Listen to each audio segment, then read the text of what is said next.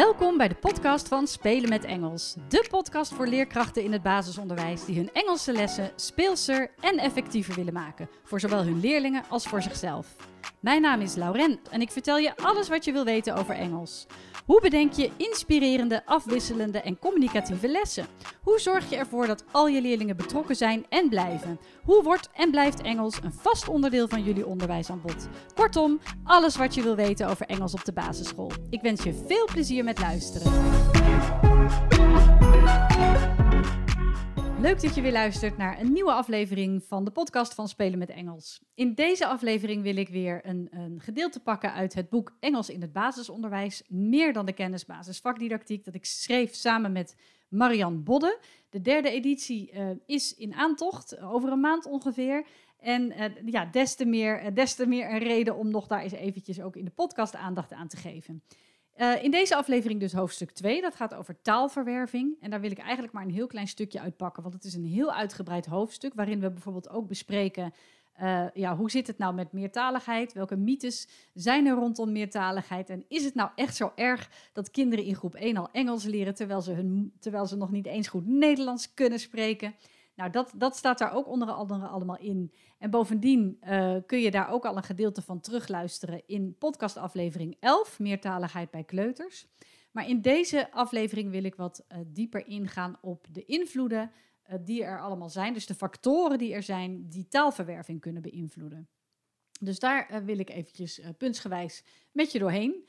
Um, natuurlijk speelt de, de, de, kritische of de gevoelige periode een rol. En dat wil zeggen dat je, uh, als je een kind voor, uh, ja, op, zeer jonge leeftijd, dus voor het zevende levensjaar, eigenlijk al een tweede of derde taal aanbiedt, dat hij dan op, het meest, op de meest natuurlijke manier de taal zal leren. Dus dat is al een voordeel van als je vroeg met Engels begint, uh, of met een andere tweede of derde taal. Dat, dat heeft echt wel effect. Um, en verder maakt het ook verschil of iemand simu simultane eh, taalverwerving leert of successieve taalverwerving. Simultaan betekent tegelijkertijd een taal leren. Bijvoorbeeld uh, Spaans, door, een kind spreekt Spaans met zijn vader en Nederlands met zijn moeder. En successief is dat je gewoon als basis bijvoorbeeld een Spaans, de Spaanse taal leert en vervolgens ga je daar nog een extra taal bovenop leren. Of zoals bij ons, hè, dat we het Nederlands, of bij ons zeg ik, maar in mijn geval, uh, dat ik het Nederlands als moedertaal heb en dat ik dan vervolgens uh, er Engels bij leer. En sterker nog, ik heb ook nog ooit Frans gestudeerd in een, een vaag verleden. Nou, er zijn nog meer uh, factoren die van invloed zijn op het leren van talen. Allereerst, nummer één, de omstandigheden. Um, het is namelijk zo dat, uh, ja, stel dat je tijdens een stoomcursus Frans of Duits, hè, dan, dan, dan worden de cursisten, als je echt zo'n week wordt ondergedompeld of twee weken in de taal, dan worden de cursisten eigenlijk continu in de doeltaal aangesproken. En dan moeten ze ook bijna wel reageren in de doeltaal. Um, want er is geen andere mogelijkheid. Nou, dan worden zij, zulke, zulke stoomcursussen, als je daaraan meedoet, word je in korte tijd heel veel beter uh, in Frans of in Duits of in Engels, dan dat je bijvoorbeeld vijf of zes jaar dat zou krijgen in het voortgezet onderwijs met maar één, twee of hooguit drie lessen per week. Dus, um, en dat herken je misschien zelf ook wel, dat je helemaal nooit goed was in Engels in het, in, op het middelbaar onderwijs. Maar toen ging je een jaar uh, als au pair of studeren of high school naar het buitenland, naar Amerika. Of je ging voor langere tijd naar Engeland. En ineens uh, ging, die, ja, ging die taalverwerving ontzettend hard, omdat je wel moest. Je werd er ondergedompeld in de taal. En uh, ja, there was no way back. Dus de omstandigheden spelen zeker wel een belangrijke rol. Nou, verder is het ook zo dat je een taal moet bijhouden. Uh, stel dat je zo'n stoomcursus hebt gedaan, of je hebt vier maanden in, uh, in Engeland gewoond en vervolgens doe je er jaren niks meer mee, ja, dan zakt dat echt wel weer weg. Je zult het moeten bijhouden. Ik heb ook wel leerlingen gehad, bijvoorbeeld, die uh, ja, zijn opgegroeid in het buitenland en die dan op, op achtjarige leeftijd bijvoorbeeld naar Nederland kwamen. Um, en dan vervolgens even, ja, eigenlijk geen Engels meer kregen en toen ineens weer wel bij mij in de klas. Nou, dan is dat echt wel uh, weg. Weet je? Dat, moet, dat moet je echt bijhouden. Soms komt het ook wel weer terug en dan zie je wel dat ze daar wel weer gevoel voor hebben. Maar als ze het echt een paar jaar niet hebben gehad, ja, eigenlijk heel erg zonde. Dus ben jij een ouder uh, of ken jij uh, mensen die inderdaad in het buitenland hebben gewoond en die kinderen zijn nu weer terug? Stimuleer je kinderen of jezelf of die ouders van die kinderen, wie dan ook, om door te gaan met het leren van die taal, om die taal actief te houden, dus om veel input te blijven geven. Nou, de derde uh, factor die van invloed kan zijn op het leren van talen is de taalverwantschap. Een taal die verwant is aan je moedertaal, leer je gewoon nu eenmaal makkelijker dan een taal die weinig verwant is. Zo is bijvoorbeeld um, ja, voor ons Nederlanders is Duits bijvoorbeeld best gemakkelijk te leren, omdat dat gewoon best veel lijkt op het Nederlands in plaats van bijvoorbeeld Russisch. Dat is een stuk ingewikkelder. Dus taalverwantschap speelt ook een rol. De vierde factor is motivatie. Ja, uh, je kan nog allerlei factoren hebben, maar als je gewoon niet gemotiveerd bent om een taal te leren, dan wordt het wel heel erg lastig. Nou, hoe kun je dat nou in het basisonderwijs doen? Door de lessen zoveel mogelijk te laten aansluiten bij de belevingswereld van jouw kinderen. Ik geloof dat ik dat wel zeg in elke podcast en in elke cursus. Maar het is zo belangrijk. En zeker ook als je met een methode werkt. Soms zijn er methodes dat je denkt, hoe dan? Hoe hebben ze dit bedacht voor een tienjarig kind? Het staat zo ver van hun, van hun belevingswereld. Dus pas je methode aan als dat nodig is. En kijk of je lessen aansluiten bij de beleving, bij de leeftijd van jouw leerlingen. Hoe gemotiveerder leerlingen zijn, hoe gemakkelijker het wordt om zo'n taal te leren. Um, punt 1, 2, 3, 4, 5. Punt 5 uh, is het hebben van een keuze. Dat is ook heel belangrijk. En dat is eigenlijk wel gelinkt aan de motivatie.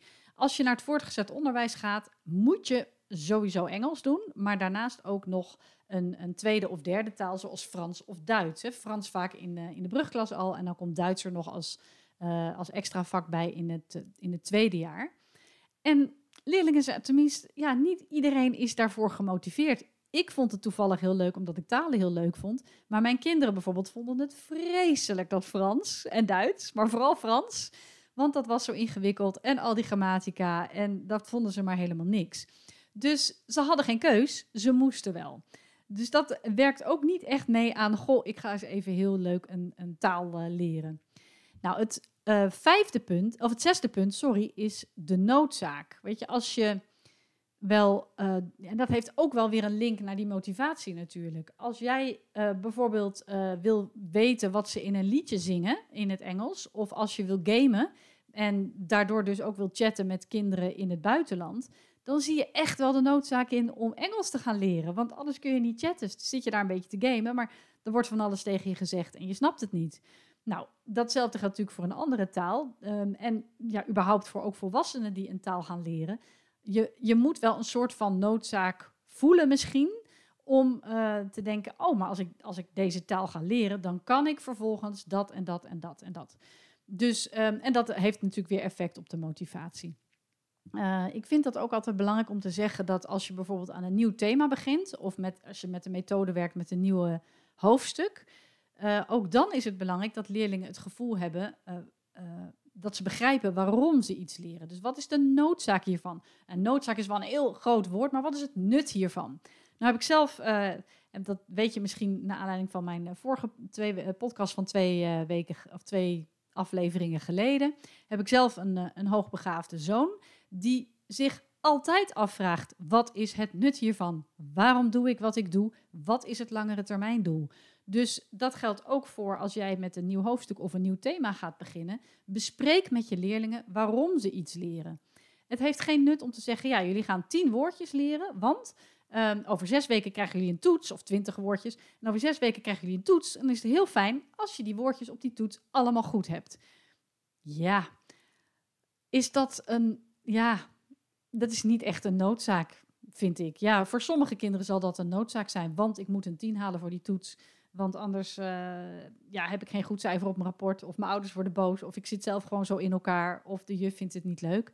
Maar voor mij is een noodzaak eerder. Want um, uh, je, je, kunt straks met dit thema uh, eten bestellen in een restaurant in het buitenland. Of je kunt straks met dit thema of na dit hoofdstuk kun je jezelf voorstellen als je op de camping rondloopt en je wil vriendjes maken. Of je kunt um, iets vertellen over je hobby's als je zit te chatten terwijl je aan het gamen bent. Nou, dat is, uh, je kunt iets kopen in de speelgoedwinkel als je in, in het buitenland bent, ik noem maar wat.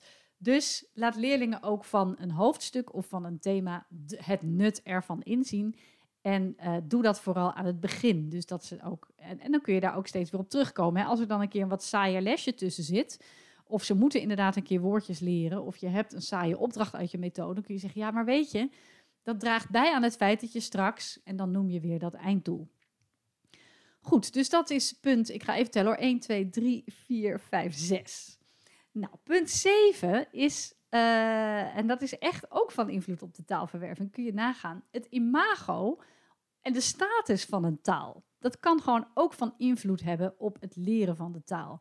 De ene taal wordt gewoon wat interessanter gevonden dan de andere. En Engels is daar natuurlijk ook wel een goed voorbeeld van. Dat is gewoon een taal die handig is als je zit te gamen of als je uh, nou ja, met mensen in het buitenland. Engels is gewoon een, een wereldtaal die, uh, die iedereen wel spreekt. Terwijl uh, als jij tegen je leerlingen zegt, nou we gaan, we gaan zes weken lang, nou noem eens een... ik, wil niemand, ik wil niemand voor het hoofd stoten nu. Maar ja, uh, we gaan. Uh, nou, ik kan even zo geen voorbeeld noemen, want ik ben bang dat ik dat iemand voor het hoofd stoot. Maar noem een taal die niet zo heel erg belangrijk is of uh, interessant is, ja, dan is het ook al minder interessant. Komt ook weer die motivatie bij kijken om die taal te leren. Nou, punt 8 is ook ervaring. Ervaring draagt natuurlijk ook bij aan het leren van een taal. Um, zeker als je dus, dus voor kinderen die bijvoorbeeld al een tweede taal of een derde taal hebben geleerd, ja, dan is het eigenlijk veel gemakkelijker om weer een volgende taal te leren dan kinderen die voor het eerst een andere taal leren. Dat scheelt echt. Er zijn al zoveel links in die hersenen aangelegd. Um, er, er, zijn al zoveel overeenkomsten tussen talen. Het gaat een meertalig kind gewoon gemakkelijker af. Nou denk je in het, uh, je denkt misschien in het begin van niet, omdat ze um, meertalige kinderen ook vaak uh, ja, bijvoorbeeld een, een woord niet weten in de ene taal, maar wel in de andere taal. Of de talen door elkaar husselen. Maar dat wil niet zeggen dat ze de talen niet beheersen. Dus dat, uh, ja, dat is echt wel een belangrijk punt. Uh, het negende punt is aanleg. En ja, dat is gewoon zo. Het ene kind leert onder precies dezelfde omstandigheden gewoon sneller en beter een taal dan het andere kind. Um, ja, dat heet dan een talenknobbel. Uh, ja, ik geloof daar wel in. Er zijn ook mensen die zeggen: nee hoor, uh, je kunt alles leren en trainen. Natuurlijk kun je alles leren en trainen. Maar het gaat het ene kind, ook dat, het ene kind gemakkelijker af om een taal te leren en te trainen dan een ander kind. Ik heb gewoon echt bijvoorbeeld veel meer moeite met uh, getallen. Ik, um, ik moet daar gewoon soms drie, vier keer naar kijken. En dan nog, weet je, ik, ik, wiskunde was voor mij gewoon iets wat ik had er veel meer verwerking voor nodig dan bij een taal. Bij een taal was het bij mij gelijk van, oh, ik snap het, ik ga door. En dat, ja, dat had ik bij wiskunde niet bepaald. En dat is eigenlijk ook nooit meer goed gekomen. Maar dat komt ook omdat ik geen effort in heb gestopt natuurlijk. Ik heb er, en dan kom je weer bij een van de eerdere punten, ik heb er de noodzaak nooit van ingezien. Ik heb nooit het nodig gehad om uh, wiskunde te, te, kennen of te snappen. Ja, ik heb het nodig gehad om mijn examen uiteindelijk te halen, maar daarna eigenlijk niet meer. Dus ja, dan blijft het ook. Als je het niet blijft oefenen, hè, dan zakt dat ook sowieso weg natuurlijk. Um, en het laatste punt, uh, punt 10, is uh, de kwaliteit en de verwerking van het taalaanbod. Dus um, ja, als jij op een eigenlijk hele blabberde manier af en toe eens een keer wat Engels geeft uh, en daar blijft het dan bij, dan zal een kind niet zo gemakkelijk de taal oppikken dan als jij dat regelmatig doet in redelijk goed Engels. Uh, en ja, bijvoorbeeld dagelijks of toch in ieder geval twee of drie keer per week, dat dat af en toe terug kan komen. Dus dat zijn eigenlijk de punten die uh, van invloed zijn op het leren van talen. Ik, zal dus, ik zal ze nog één keer kort met je doornemen en dan kun jij ook eens kijken. Haal ook eens wat leerlingen naar voren, als je die in je hoofd zo kunt bedenken van, oh klopt dat? Klopt dat met mijn groep? um, dat deze factoren inderdaad van invloed zijn. Dus één, de omstandigheden. Uh, nou ja, worden ze ondergedompeld in de taal? Uh, zit je bijvoorbeeld, werk je bijvoorbeeld op een tweetalige school? Of werk jij juist op een school waar amper iets aan Engels wordt gedaan en moet je er dus heel hard aan trekken? Je merkt het ook vaak uh, van leerkrachten die zelf het heel erg leuk vinden om Engels te geven, maar bijvoorbeeld uh, een groep krijgen van een leerkracht van het jaar daarvoor die Engels helemaal niet leuk vond en het dus amper gaf. Ja, dan, die moeten echt heel hard trekken aan die groep om ervoor te zorgen dat ze überhaupt wat beter worden in, uh, in Engels, omdat er gewoon ja, niet veel aan gedaan is. Dus die omstandigheden zijn echt wel van invloed. En ook daar wil ik weer bij benadrukken, als je Engels geeft in de onderbouw, stop dan niet bijvoorbeeld, ja, ik hoor ook wel scholen die zeggen, ja, we doen het in groep 1, 2, maar dan in groep 3, 4 eigenlijk niet. Want dan, ja, die leerkrachten vinden het niet zo leuk en er is ook niet zoveel tijd voor. En dan pakken we het in groep 5 weer op. Ja, dat is dus heel, ja, heel erg zonde, want dan is het eigenlijk allemaal al weggezakt. Dus uh, de omstandigheden. 1, dat is factor 1. 2, het bijhouden van de taal. Houd de taal bij. En wat ik net al aangaf, dus ook in groep 3, 4. En, en ook voor de leerkrachten die het Engels geven wat minder leuk vinden, houd het echt bij, want anders zakt het weg bij die leerlingen. Drie, de taalverwantschap. Nou, daar hebben we met Engels dus mazzel mee, omdat dat uh, uh, redelijk. Het is niet een, een, een copy-paste van het Nederlands, absoluut niet. Maar uh, er zijn echt wel veel woorden die wij bijvoorbeeld al in het Nederlands gebruiken, die eigenlijk Engels zijn. Hè? Denk aan de computer, maar ook hele eenvoudige woorden als robot, book. bal, voetbal. Het zijn allemaal woorden die al op de Engelse taal lijken. Dat maakt het wel makkelijker. Vier, motivatie. Hoe beter lessen aansluiten bij een belevingswereld, hoe gemotiveerder leerlingen zijn voor het leren van de taal. Vijf, het hebben van een keuze. Hebben de leerlingen een keuze om de taal te leren? Nou, dat is in het voortgezet onderwijs sowieso natuurlijk niet zo. Uh, maar in het basisonderwijs eigenlijk ook niet. Het is niet zo dat je zegt, nou, wie wil er Engels gaan doen vandaag? Nou, dan gaan we met jullie Engels doen. Het is wel zo dat je het in het basisonderwijs op een hele leuke manier, ja, in het voortgezet onderwijs natuurlijk ook, maar ja, ik heb het even over de basisschool, dat je het op zo'n leuke manier kan brengen dat iedereen Engels wil hebben. En dat vind ik zo leuk om te horen van leerkrachten die met mijn uh, cursussen bezig zijn. Die zeggen echt letterlijk, nou, waar eerst de leerlingen nog dachten, gat, we hebben weer Engels, we hebben er geen zin in en het is saai en ik vind het niet leuk en het is ingewikkeld en ik durf het niet die omslag die leerlingen maken. Van, oh, we hebben weer Engels. Oh, leuk, gaan we weer een spelletje doen. En ook heb er zin in. Nou, dat is, ja, dat is bizar. Ja, het is eigenlijk niet bizar, want dat weet ik natuurlijk al jaren. Maar die, dat verschil is zo groot. Dus dat is, uh, dat is heel belangrijk. Het hebben van een, een, een, keuze, ja, dat is er niet. Maar je kunt leerlingen wel zo motiveren dat ze Engels willen zelfs. Uh, nummer zes, de noodzaak. Dus als leerlingen de noodzaak of het nut ervan inzien om een taal te leren, dan gaat het ze gemakkelijker af dan wanneer zij het echt nutteloos vinden. Uh, nummer 7, het imago van de taal. Dat kan ook echt van invloed zijn. En ja, volgens mij ligt Engels wat dat betreft wel redelijk goed in de markt bij, uh, bij basisschoolleerlingen. Uh, nummer 8, ervaring. Kijk maar eens bij jou in de groep met bijvoorbeeld twee of meertalige kinderen. Bij hun gaat het leren van een extra taal gewoon wat makkelijker dan uh, bij kinderen die Engels als eerste taal leren. Punt 9 is aanleg. Het is gewoon zo dat het ene kind wat makkelijker een taal leert dan het andere kind. En punt 10 is de kwaliteit en de verwerking van het taalaanbod. Ook dat is wel heel erg belangrijk. Um, ja, en dan heb ik ze volgens mij allemaal wel, wel gehad. Wat ik zei, die kwaliteit van het taalaanbod is echt wel van invloed op het taalresultaat. Uh, als leerlingen namelijk um, op, een op een te moeilijke manier Engels aangeboden krijgen, dan begrijpen ze het niet en kunnen ze er niks mee. En dat hoor ik echt vaak van, ik, ik ga geen methodes noemen, maar als je dit luistert en je gebruikt een bepaalde methode, dan herken je dat vast wel. Dat de filmpjes bijvoorbeeld op het digibord veel te ingewikkeld zijn. Dat kinderen de helft niet snappen, maar dat ze de filmpjes wel moeten draaien, want anders kunnen ze de rest van de opdrachten niet. Maar uiteindelijk heeft dat echt geen enkel nut om dat te doen, want die leerlingen kunnen er niks mee. Maar ja, als het taalaanbod te makkelijk is, wordt het weer saai. En dan is het weer moeilijk om die aandacht erbij te houden van leerlingen. dus dan leren ze ook weer niks nieuws. Dus daar zul je een beetje een goede middenweg in moeten vinden. Um, nou, ik geloof dat ik dan wel alles heb, uh, heb benoemd wat ik wilde benoemen. Het is interessant om ook dit eens weer eens terug te halen naar jouw eigen uh, groep en klas. Hoe zit dat bij mij? Hoe, zit, hoe, hoe zijn die tien factoren bij mij uh, verwerkt? Um, ja, en dat wilde ik eigenlijk, dat wilde ik eigenlijk met je delen. Verder wil ik nog even zeggen, het is juni nu, deze podcast komt, komt binnenkort online. Uh, vind je het leuk om mee te doen aan een van de twee online cursussen? Maak daar dan uh, gebruik van. Want als je je voor de zomervakantie aanmeldt, heb je niet vier, maar bij, ja, ruim vijf of zes maanden zelfs. Als je je nu aanmeldt, is 2 juni. de tijd om de cursus af te ronden. Want hij blijft dan openstaan tot 1 december 2022 omdat er natuurlijk een vakantie tussen zit. Dus dan uh, ga je veel meer in op dit soort uh, didactische punten, maar ga je ook heel veel werkvormen krijgen uh, om die toe te passen in, jou, in jouw lessen.